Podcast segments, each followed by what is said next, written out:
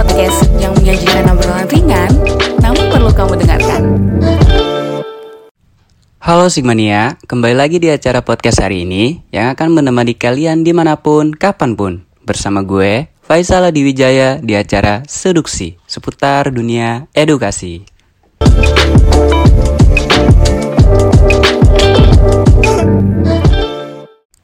Bagi kalian yang baru mendengarkan, podcast Sigma acara seduksi ini salah satu ruang bicara online yang alternatif loh, yang menyajikan segala tips yang bisa kalian cermati dan kalian maknai.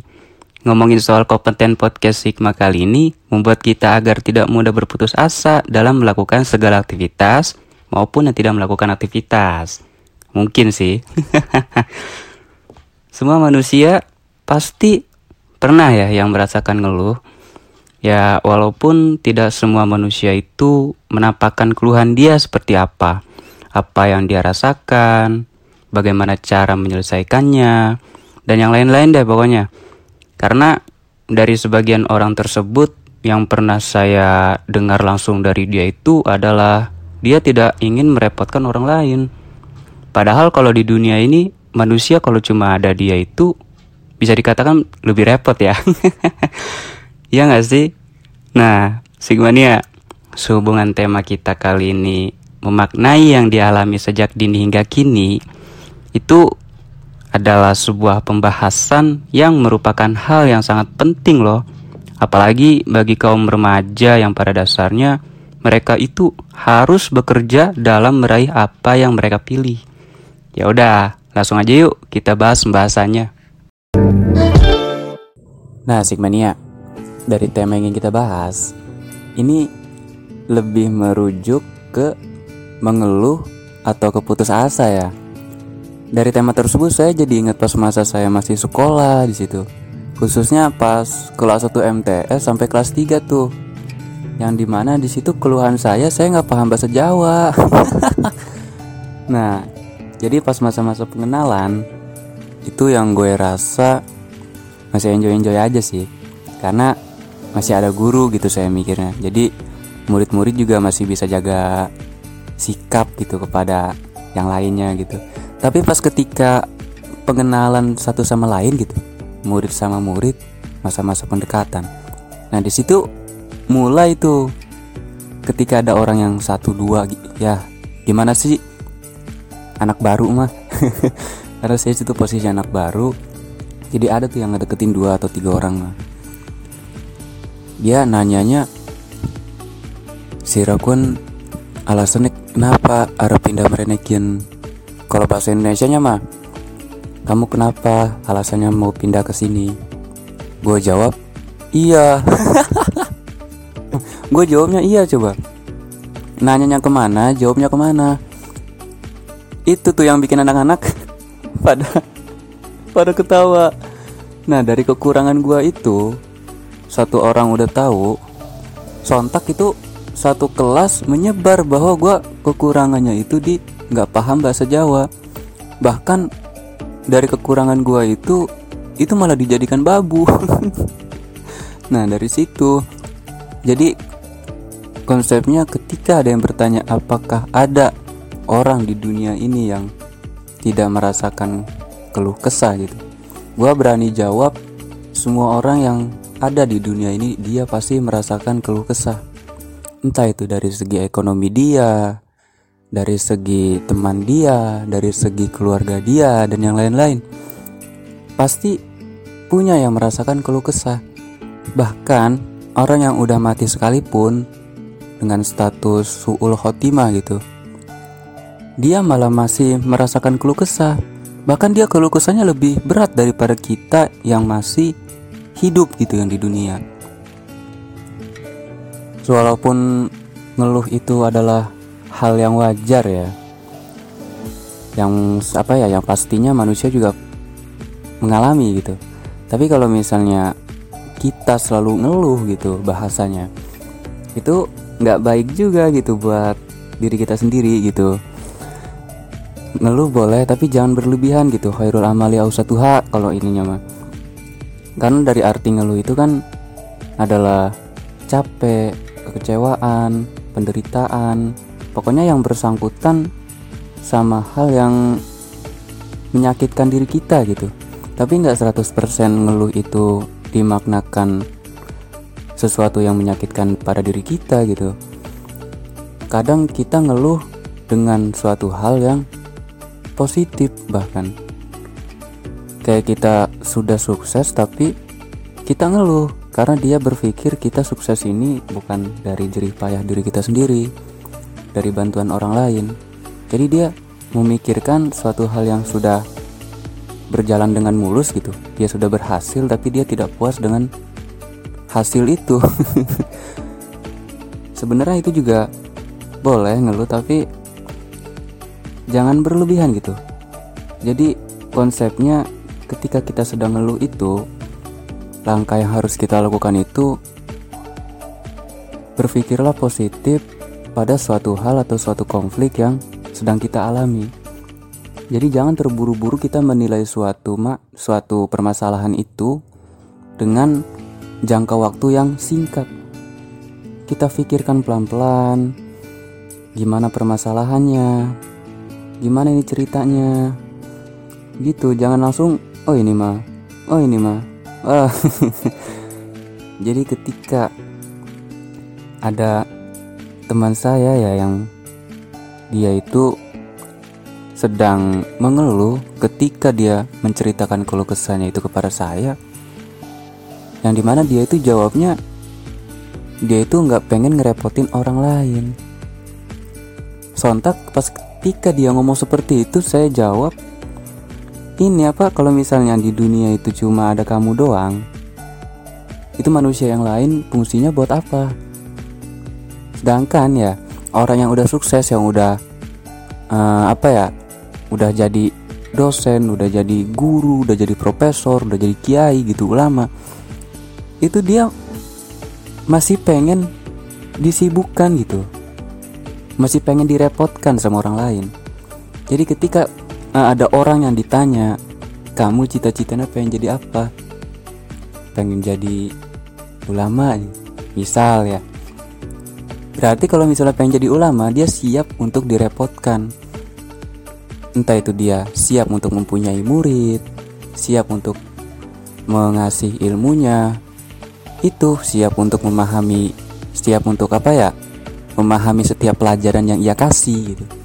Apalagi itu memahami ya, kalau memahami itu kan eh, nggak uh, sekali dua kali kita mengajarkan ilmu yang kita kasih gitu. Kadang kita ngasih ilmu kepada seorang dan seketika orang itu paham, tapi ketika besok kita tanya lagi, itu kemungkinan besar dia belum tentu ingat gitu dengan ilmu yang sudah disampaikan.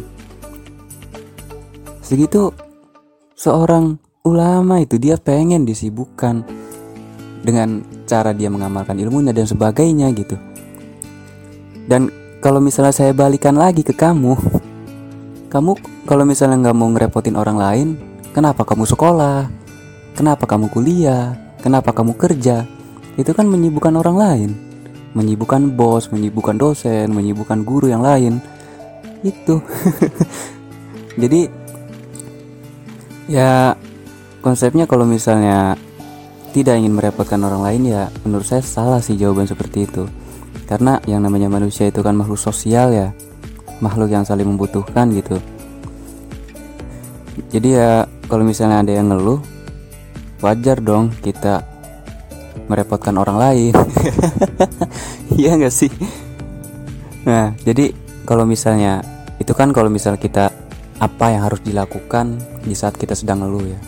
Tapi uh, ketika kita melihat teman kita gitu teman kita sedang ngeluh nih apa nih harus saya lakukan nih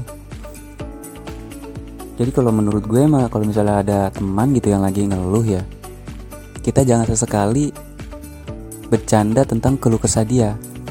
Jadi buatlah suatu apa ya, suatu strategi yang di mana di situ kita menghibur dia dalam merujuknya ke keluh kesah dia.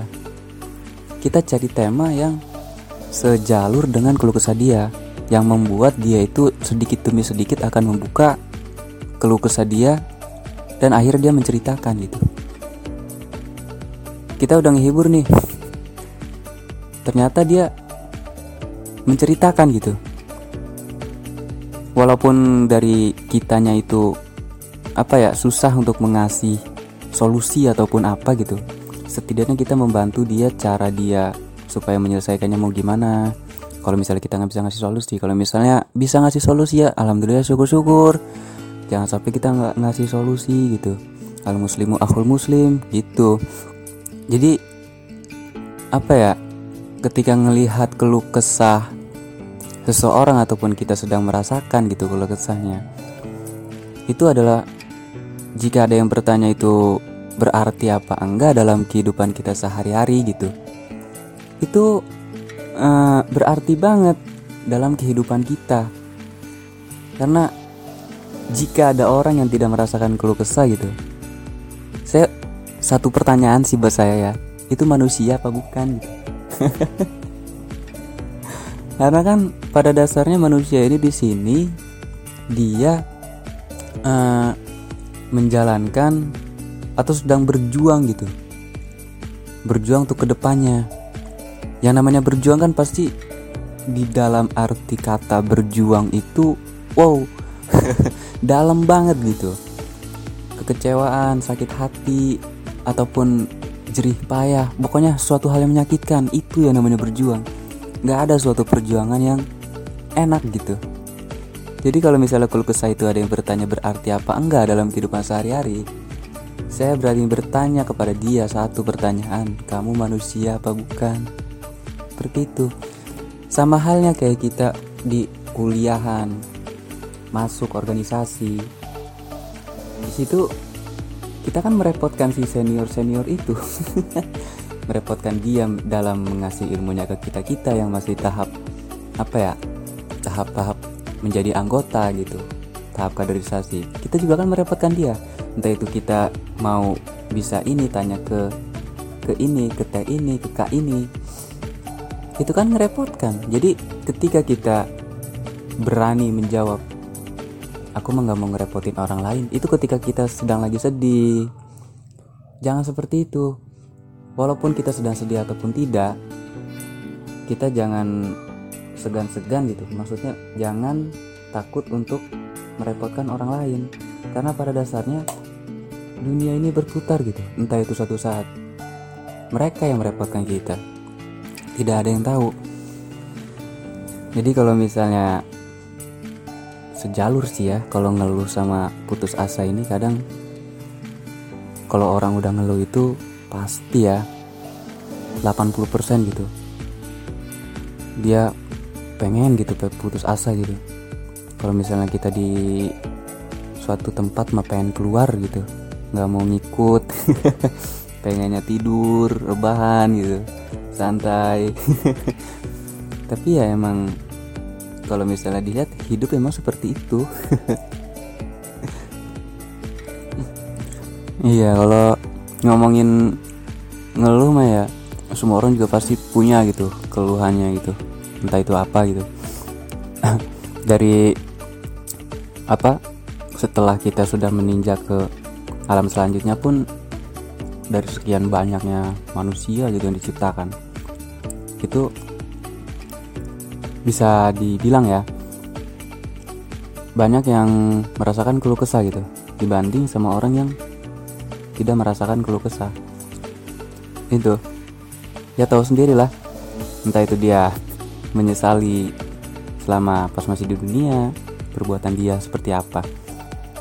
Begitupun sebaliknya orang yang tidak merasakan keluh kesah pas di alam selanjutnya. Dia sudah bahagia banget gitu. Tandanya dia dia apa dia sudah sukses gitu.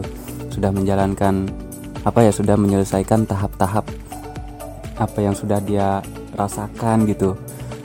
Entah itu dari rasa sakit tentang hati tentang fisik tentang apa ya apalagi kekecewaan apa pokoknya mah. Jadi yang namanya kalau kesah itu dia nggak mengenal tempat sih emang di dunia ada. Selain di dunia juga ada. Yang masih kecil ada keluhannya. Remaja apalagi gitu. Banyak masa-masa remaja itu masa-masa masih haus-hausnya. Entah itu haus tentang ekonomi haus tentang ilmu haus tentang segala macem.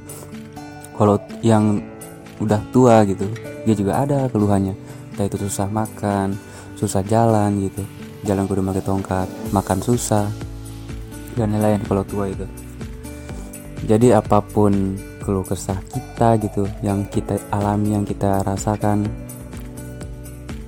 harus dijalankan dengan rasa syukur. Kalau misalnya nggak dibarengi rasa syukur mungkin bisa bunuh diri sih. Ya mungkin. Tapi sebagian besar kayaknya sih bisa bunuh diri ya. Jadi apakah eh, apa ya? Apa pun keluh kesah teman-teman dari awal sejak dini hingga kini gitu.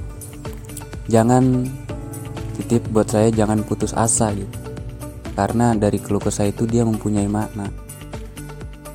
Makna tersendiri gitu. Jadikanlah masa lalu sebagai pelajaran jadikanlah masa depan sebagai harapan. Jadi keluh kesah teman-teman dari dulu sampai sekarang kan nggak sama gitu keluh kesah dari kecil ini sampai gede. Masa tetap itu itu aja gitu. Pasti beda lah banyak. Pesan dari gue belajarlah dari kehidupan berusaha untuk masa depan. Berdoalah kepada siapa yang menentukan. Oke? Nah mungkin segitu dulu ya Sigmania. Maparan dari gue Terima kasih buat waktunya yang sudah mendengarkan podcast gue dari awal sampai akhir mengenai memaknai yang dialami sejak dini hingga kini. Gue harap kalian dapat mengambil hal positif dari apa yang gue sampaikan tadi ya. Selalu semangat dan pantang menyerah dalam kondisi apa pun. Oke, Sigmania. Sepertinya gue pamit undur diri. Kalau ada sumur di ladang boleh kita bernumpang mandi. Kalau ada umur yang panjang, bolehlah kita berjumpa lagi. Buat Sigmania, jangan lupa untuk terus ikuti dan kunjungi sosial media LPM Sigma di Spotify, Podcast Sigma, Anchor, website www.lpmsigma.com dan Instagramnya ya di LPM Sigma dong. Aku Faisal Diwijaya, pamit undur diri. Wassalamualaikum warahmatullahi wabarakatuh. Stay safe and stay healthy guys. Dadah.